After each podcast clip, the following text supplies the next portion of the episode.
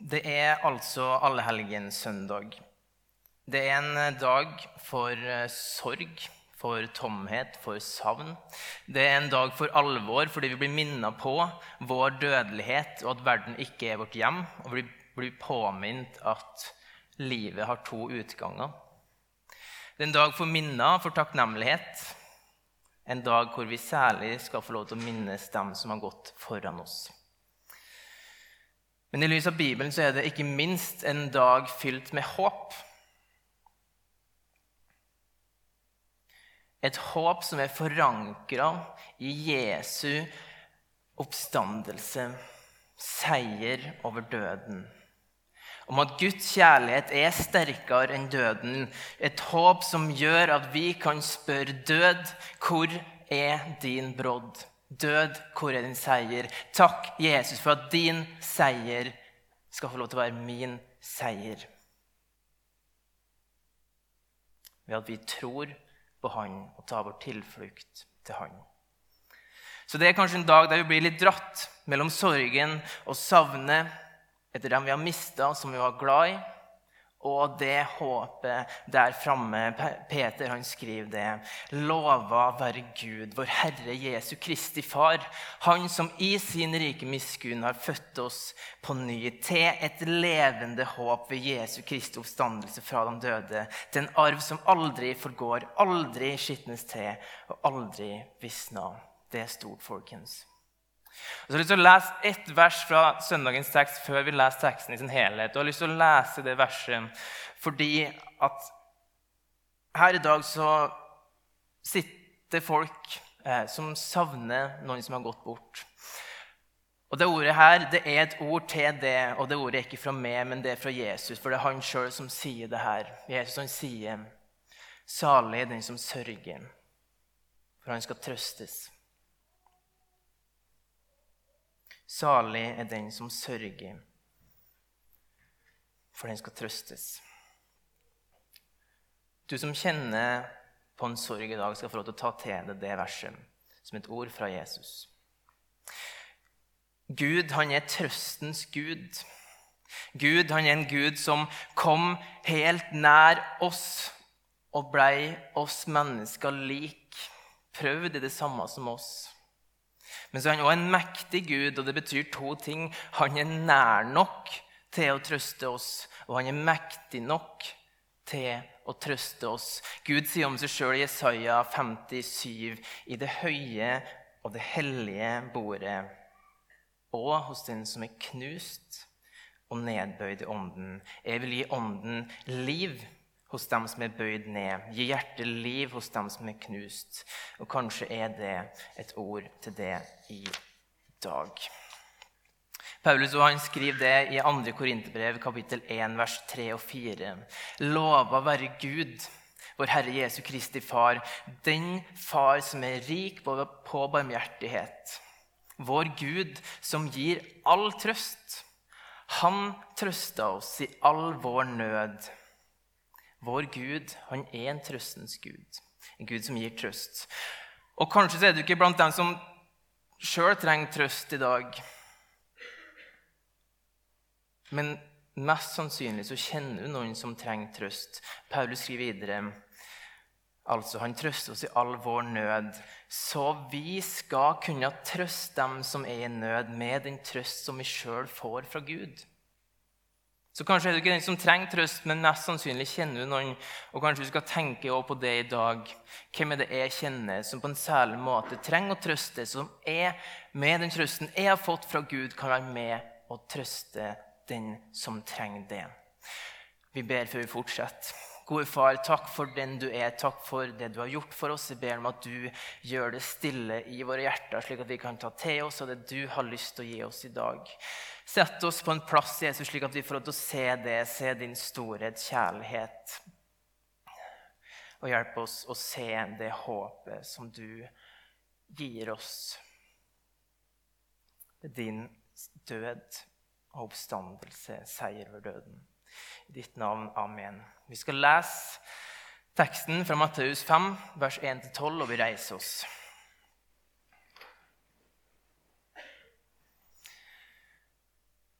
Da Jesus så folkemengden, gikk han opp i fjellet. Der satte han seg, og disiplene samlet seg om ham. Han tok til orde og lærte dem, salige er de som er fattige i ånden, for himmelriket er deres. Salige er de som sørger, for de skal trøstes. Salige er de ydmyke, for de skal arve jorden. Salige er de som hungrer og tørster etter rettferdigheten, for de skal mettes. Salige er de barmhjertige, for de skal få barmhjertighet. Salige er de rene av hjerte, for de skal se Gud. Salige er de som skaper fred, for de skal kalles Guds barn. Salige er de som blir forfulgt for rettferdighets skyld, for himmelriket er deres. Ja, salige er dere når de for min skyld håner og forfølger dere, lyver og snakker ondt om dere på alle vis. Gled og fryd dere, for stor er lønn dere har i himmelen.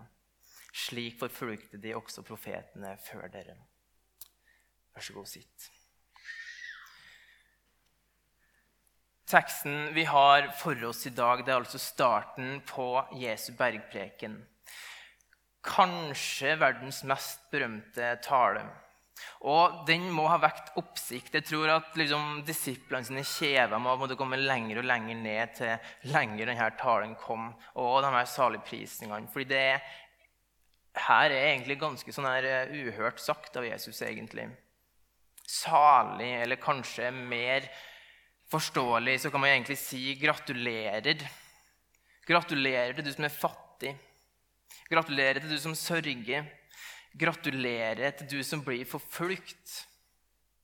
Det er ganske drøyt å melde, egentlig. Når jeg satt og forberedte denne talen, så har jeg måttet jobbe litt. Jeg måtte, ja, jeg måtte jobbe litt for å skjønne hvorfor er det saligprisingen er teksten på en sånn søndag som det her. Um, og så håper jeg at jeg har funnet ut av det. det vil jo vise. Men, uh, men som en slags struktur på den talen så har jeg lyst til å se, prøve å strukturere det først med at vi ser på et perspektiv som er allerede. Fordi dette er en programtale om Guds rike. Sant? Og I Guds rike så er det en ting man snakker om i teologien, at det er et allerede, og så er det enda ikke. Og Det er ganske viktig at vi henger med på det, men først skal vi se på hva som ligger her allerede. Det vi allerede opplever, ser, erfarer. Og så skal vi etter hvert se på det som ligger som et enda ikke. Det håpet vi har der framme. Men vi starter der med det som er allerede. Når Jesus har den talen her, så har han en god stund vandra omkring. I Galilea så har han undervist, han har helbreda, ryktet om han begynner å gå. Kan han være Messias? Og så har man hatt døperen Johannes, som har sagt en del merkelige ting om at Israels folk sin situasjon var ikke helt der den skulle være. Men Jesus var på en måte enda rarere, om man kan si det sånn. For han, ikke, han var jo enig med døperen, men ga også inntrykk av at han kunne forandre noe. Han kunne gjøre noe med det. Og Jesus som døperen hadde begynt å forkynne til omvendelse fordi Guds rike har kommet nær. Og Når vi da leser den teksten her, starten med bergpreken, så er det Jesu programtale for Guds rike et Guds rike som kom nær i og ved Jesus. Og så aner vi her i den teksten at det rike her, det er ikke sånn de rike som vi er vant med. Dette er et annerledes rike. Dette er egentlig et opp-ned-rike. Jeg tror De som hørte det første gang, de tenkte at det er et eller annet her som vi har hørt før, men likevel er noe helt nytt. Greia er at Den tematikken som Jesus tar opp, den finner man igjen i Det gamle testamentet. Men Jesus sier det på en ny måte. Vi la oss for i stad for Jesaja 57 om at Gud er en som bor hos den som er nedbøyd i ånden. Det er egentlig ganske samme tematikk som det vi finner her. Vi leser også i Det gamle testamentet om at Gud han er en enkers og farløses Gud som ser den hjelpeløse. At offer for Gud er en sønderbrutt ånd og lignende ting. Men det blir altså sagt her på en ny måte. Men Jesus spiller på noe av det som ligger i Det gamle testamentet. Og med det Jesus snakker om her, så får vi altså en innsikt i hva er det Guds rike er, hvordan er det Guds rike funker, hva er Guds rikets lover eller verdier, eller hva man skal kalle dem. Og det er litt viktig, for at det er ikke verdens lover og verdier som er gjeldende i Guds rike. Guds rike det reverserer verdens eh, verdier og lover. Hvis verden skulle ha skrevet sine saligprisninger, så hadde det kanskje vært noe sånn som Salige er du som har gjort det fortjent noe, for du skal ta det du vil ha. Salige er de som er bekymringsløse, for de skal være komfortable. Salige er de stolte, for de er gode nok og sterke nok til å seire. Salige er de grådige, for de kommer til å bli rike. Salige er de hevngjerrige, for de skal fryktes. Salige er de som ikke blir tatt på fersken, for de kommer til å se ut som de har alt på plass. Salig de argumenterende, de kranglende, for de kommer til å få det siste ordet. Salige de populære, for hele verden ligger for deres føtter. Salige de mektige, for de skal arve alt. Det var mitt mer eller mindre vellykka forsøk på å skrive verdens saligprisninger, eller kanskje usaligprisninger. Men jeg tror en slik tale som jeg nå prøvde meg på, den ville ha vekka mindre oppsikt, mindre oppmerksomhet. For tilsynelatende er det jo slik mange lever. Det er slik verden henger sammen. Det er her vi ser at folk lever etter i ganske stor grad. Så jeg tror vi må si det sånn at verden har sine egne saligprisninger. Så kommer Jesus med et alternativ. Og så, Men verdens saligprisninger har òg løftet om belønning. sant?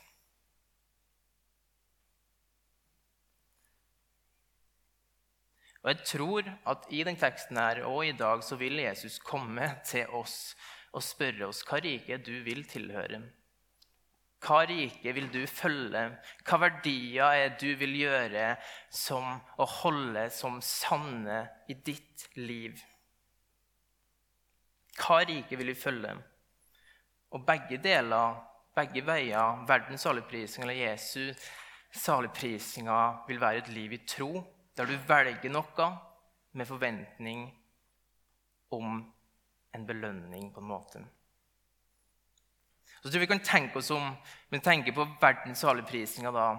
Har vi noen gang sett et menneske som har valgt den veien, og det har endt med et godt liv, med glede, med tilfredsstillelse?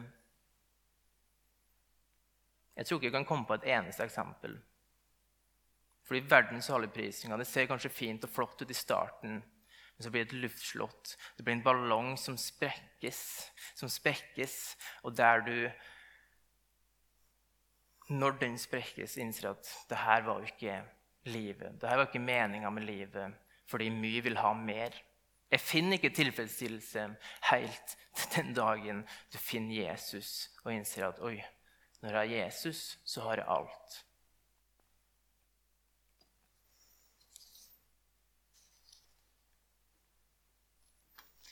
På lørdagsgudstjenestene for tida så har vi en taleserie om vår far. Og Jesus har lært oss å be. La riket ditt komme. Og I den bønna så ligger det mye, men Jesus har lært oss å be den bønna. Og jeg tror vi trenger å be den bønna. Ja, det ligger et framtidsperspektiv der. La riket komme, la fullendelsen komme. Men det ligger et her og nå-perspektiv òg. Og jeg tror vi trenger å be den bønna for våre liv be den bønna inn i våre liv.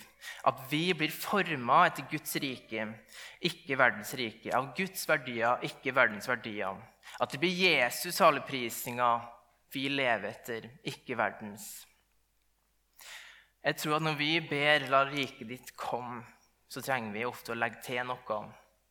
For jeg tror ikke at det er ment som en totalt passiv bønn for vår del som i at nå ser vi verden går av hengslene, nå er det så mye elendighet som skjer, så gode far, la riket komme, så skal jeg sitte her helt 100% passiv. Nei, jeg tror vi skal få til å be den bønna inn i våre liv. Gode far, la riket ditt komme, og start med meg. Virk i meg. Gjør det slik i livet mitt at ditt rikets lov og verdier kommer fram i mitt liv. Slik at jeg kan være med og skape fred i ufred. Slik at jeg kan være med og vise barmhjertighet for dem som trenger det. Slik at jeg kan lære å være ydmyk fremfor stolt. Fordi verden trenger det her. Verden trenger å se at Guds rike er til stede her i verden, her og nå. Jeg tror noe av kirka sitt oppdrag er å gjøre Guds rike, som egentlig er usynlig, synlig. At det riket som brøyt fram ved Jesu komme, skal fortsette å brytes fram og gjøres synlig til en dag vi står der i fullendelsen, i et fullendt Guds rike. Fattig i ånden fremfor stolt i ånden. Ydmykhet fremfor stolthet, rettferdighet fremfor urettferdighet. La oss være et fellesskap som i bønn ber det. La riket ditt komme, Gud, og la riket ditt komme inn i våre liv. Start med oss. Jeg tror vi trenger det. Vi skal gå videre og se på enda ikke-perspektivet i teksten. Det vi venter på. Og Det er kjempeviktig for teologien at vi klarer å holde tunga rett i munnen her. Veldig mye eh, hvis jeg får lov til å si det, veldig mye dårlig teologi tror jeg kommer av at man ikke klarer å snakke skikkelig om hva som allerede er her, og det som skal skje i fullendelsen. Det ligger en dobbelthet i vår tekst. For så leser vi 'Salige er de rene av hjerte', altså de er salige nå, for de skal se Gud, altså en dag i fremtida. Salig her og nå, men fullendelsen av det vil skje i fremtida. På samme måte de som sørger. Gud trøster dem som sørger her og nå, samtidig. En dag skal den trøsten fullendes. Og med det så mener jeg en dag der du kan kjenne på at Gud trøster her og nå. Men en dag skal du være på en plass der Gud sjøl tørker bort tårene fra dine øyne. Der du får lov til å oppleve det, erfare det. Det ligger en dobbelthet. Så Vi skal avslutte der jeg starta, egentlig, med at jeg har lyst til at dette skal være en dag der håpet på en særlig måte skal få lov til å lyde. Og jeg tror at håpet får altfor liten plass hos oss. Fordi det håpet vi har, hvis vi si, grasper, altså, eller, ja, hvis vi fatter det håpet som er foran oss, som vi, som vi venter på, så hadde det forma oss og gitt oss retning i livet på en helt annen måte enn det vi ser. Det er min tese for dagen. I husfellesskapet som er en del av, som vi hadde samling på mandag, så ble det stilt et spørsmål som slo meg litt i magen. Spørsmålet var hvor stor forskjell gjør det sikre håpet du har for livet ditt her og nå? Og Det fikk meg til å tenke ja, hvor stor forskjell gjør det egentlig? Og Jeg måtte innse at det burde i hvert fall gjøre en mye større forskjell. Jeg innså at jeg går jo her i livet og ser på omstendighetene jeg har her og nå, og tenker hjelp med det her kommer jo alle til å gå bra. Eller i hvert fall ofte kan det være sånn, sånn at man drukner i alt vi ser her og nå rundt oss. Og det er mye kjipt og dritt å forholde seg til. Og så mister man synet av at vi en dag der framme har noe uendelig godt.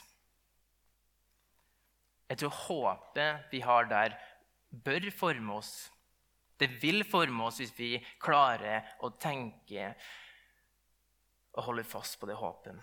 For noen år siden jobba jeg med Kolosserbrevet, og jeg blei overraska over ett vers. Jeg hadde aldri lagt merke til det før. Paulus han skriver det i Kolosserne 1,4 om menigheten, om kolossermenigheten.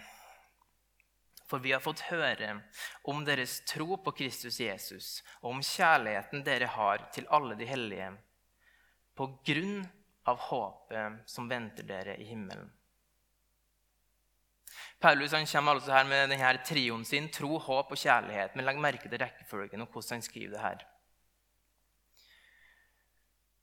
Her er det håpet som er formativt. Her er det håpet i kolossermenigheten som har virka tro, som har virka kjærlighet. Det er på grunn av håpet at troen og kjærligheten har kommet. Håpet blir formativt. Er det sant for våre liv? At det er håpet som gir retning? Jeg kan ikke annet Jeg vet jeg har snakka om morfar før, men kanskje passer det seg på en slik dag. Men når jeg leser det verset, så klarer jeg ikke å ikke tenke på morfar. For var det én, er det én jeg har lært at det her går an, og hvordan det kan se ut, så er det morfar. For han, han var så trygg på hvor han skulle. Hele veien jeg kjente han i hvert fall. Um, og hvordan det forma måten han levde på, prioriteringene han gjorde. Måten han klarte å se på livet på. En ting som forundra meg med morfar, det var når han kom på sykehjem måten jeg da fikk se hvordan håpet forma han på. For én ting er jo ja, han visste hvor han skulle. Men det å klare å ha det perspektivet at ok, Gud, nå har du satt meg her på et sykehjem. Her skal jeg få lov til å formidle det håpet.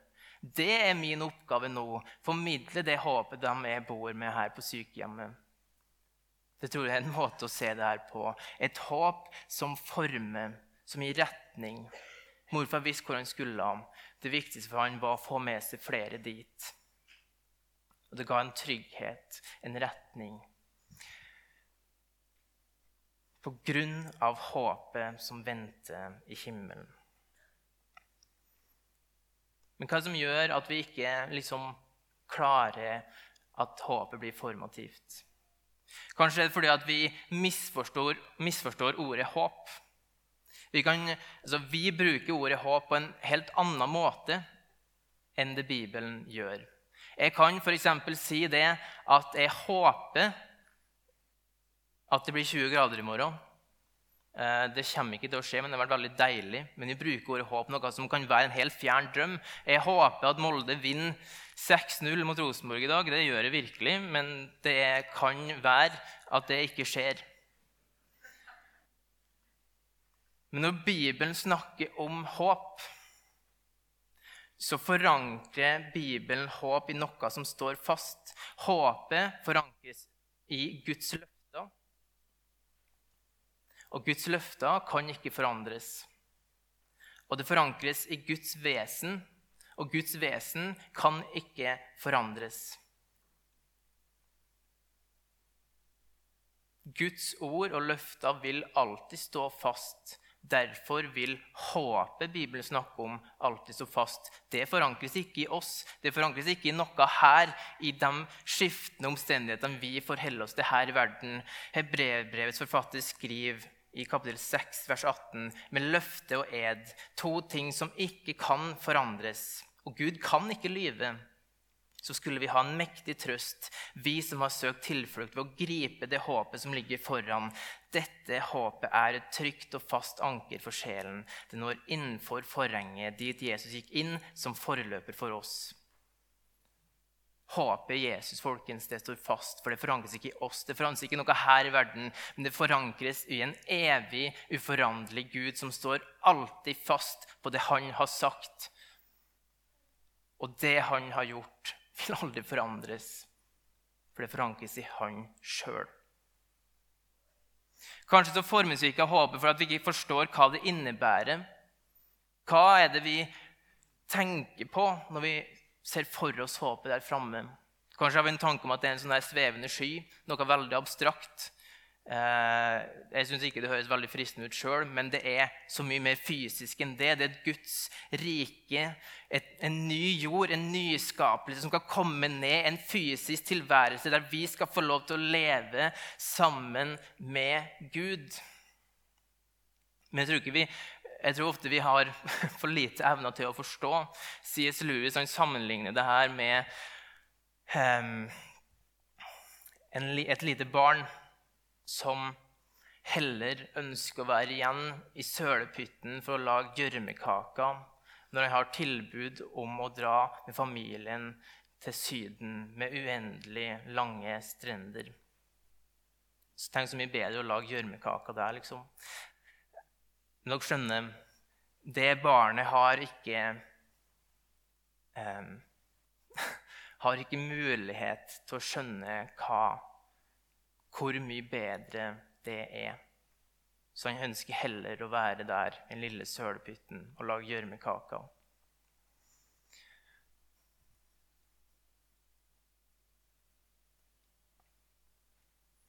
Men hva er det egentlig som venter oss? Hva er det som venter oss? Hva som venter den som er fattig i ånden? Altså dem som innser at det er ingenting å komme sjøl, som kommer framfor Jesus med to tomme hender og sier 'Jeg har ingenting, men du har alt', og jeg trenger det du har, det du har gjort. Det er det å være fattig i ånden. Hva er det som venter dem som kommer som fattig i ånden fram for Jesus og sier 'Jeg trenger det'? Jeg trenger å bli vaska ren av det. Hva har vi ventet? Vi skal lese åpenbaringa 7, vers 9-17. Det er dagens lesetekst. Det er kanskje en tekst som blir mottatt på litt forskjellig måte på en dag som dette, alt etter fra hvor du er hen. Men den teksten her formidler håpet vi har i vente. Du kan få lov til å lukke øynene hvis det hjelper deg til å ta det innover deg se det for dem, det vi har i vente. Deretter så jeg en skare så stor at ingen kunne telle den, av alle nasjoner og stammer, folk og tungemål. De sto foran tronen og lammet, kledd i hvite kapper med palmegreiner i hendene. Og de ropte med høy røst, seieren kommer fra vår Gud, han som sitter på tronen, og fra lammet. Alle englene sto rundt tronen, og de eldste og de fire skapningene. De kastet seg ned for tronen med ansiktet mot jorden og tilba Gud og sa, Amen. All lov og pris og visdom, takk og ære, makt og velde tilhører vår Gud i all evighet. Amen. En av de eldste tok da ordet og spurte meg, disse som er kledd i hvite, i hvite kapper, hvem er de, og hvor kommer de fra? Herre, svarte jeg, du vet det. Da sa han til meg. Dette er de som kommer ut av den store trengsel. De har vasket sine kapper og gjort dem hvite i lammets blod. Derfor står de for Guds trone og tjener ham dag og natt i hans tempel. Og han som sitter på tronen, skal reise sin bolig over dem. De skal ikke lenger sulte eller tørste. Solen skal ikke falle på dem, og ingen brennende hete. For lammet som står midt på tronen, skal være gjeter for dem og vise vei og vise dem vei til kilder med livets vann. Og Gud skal tørke bort hver tåre fra deres øyne. Den dagen får vi virkelig se at den som er fattig i ånden, er salig. Den dagen får vi virkelig se at de sørgende skal trøstes.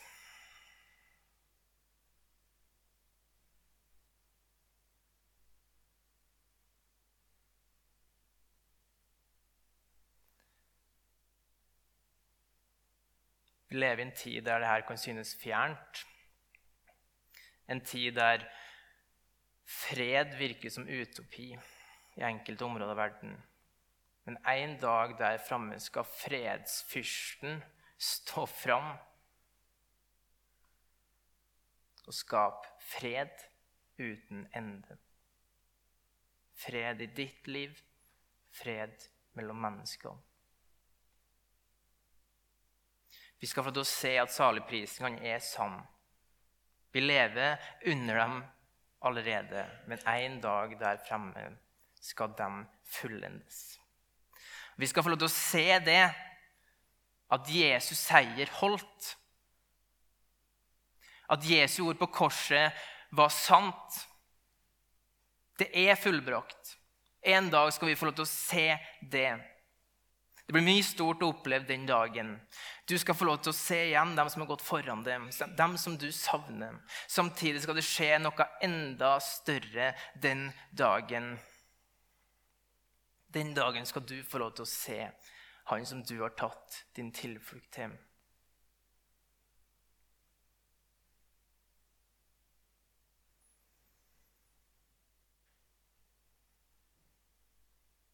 Den dagen så vil Jesus stå foran dem, opphøyd i all ære. Så ser han på dem uendelig kjærlighet i øynene. Selv om du aldri har vært på den plassen her før, så vil du tenke jeg er hjemme. Fordi Jesus er der. Jesus han sier med en stemme full av lengsel og glede. Den lengselen som gjorde at han sto i fristelsen, den lengselen som gjorde at han holdt fast på korset. Så sier han, 'Velkommen hjem, sønn. Velkommen hjem, datter'. Jesus han strekker ut hånda imot det, og du griper hånda hans. Og Når du gjør det, så kjenner du naglemerkene i hånda de naglene som ble slått gjennom der for din skyld. Og du ser opp på Jesus. Du ser alle arrene han har, merkene etter tornekrona. Du ser merkene på ryggen etter piske og stokkeslag. Du ser sårene på fotene, merker i side, sida etter spydet.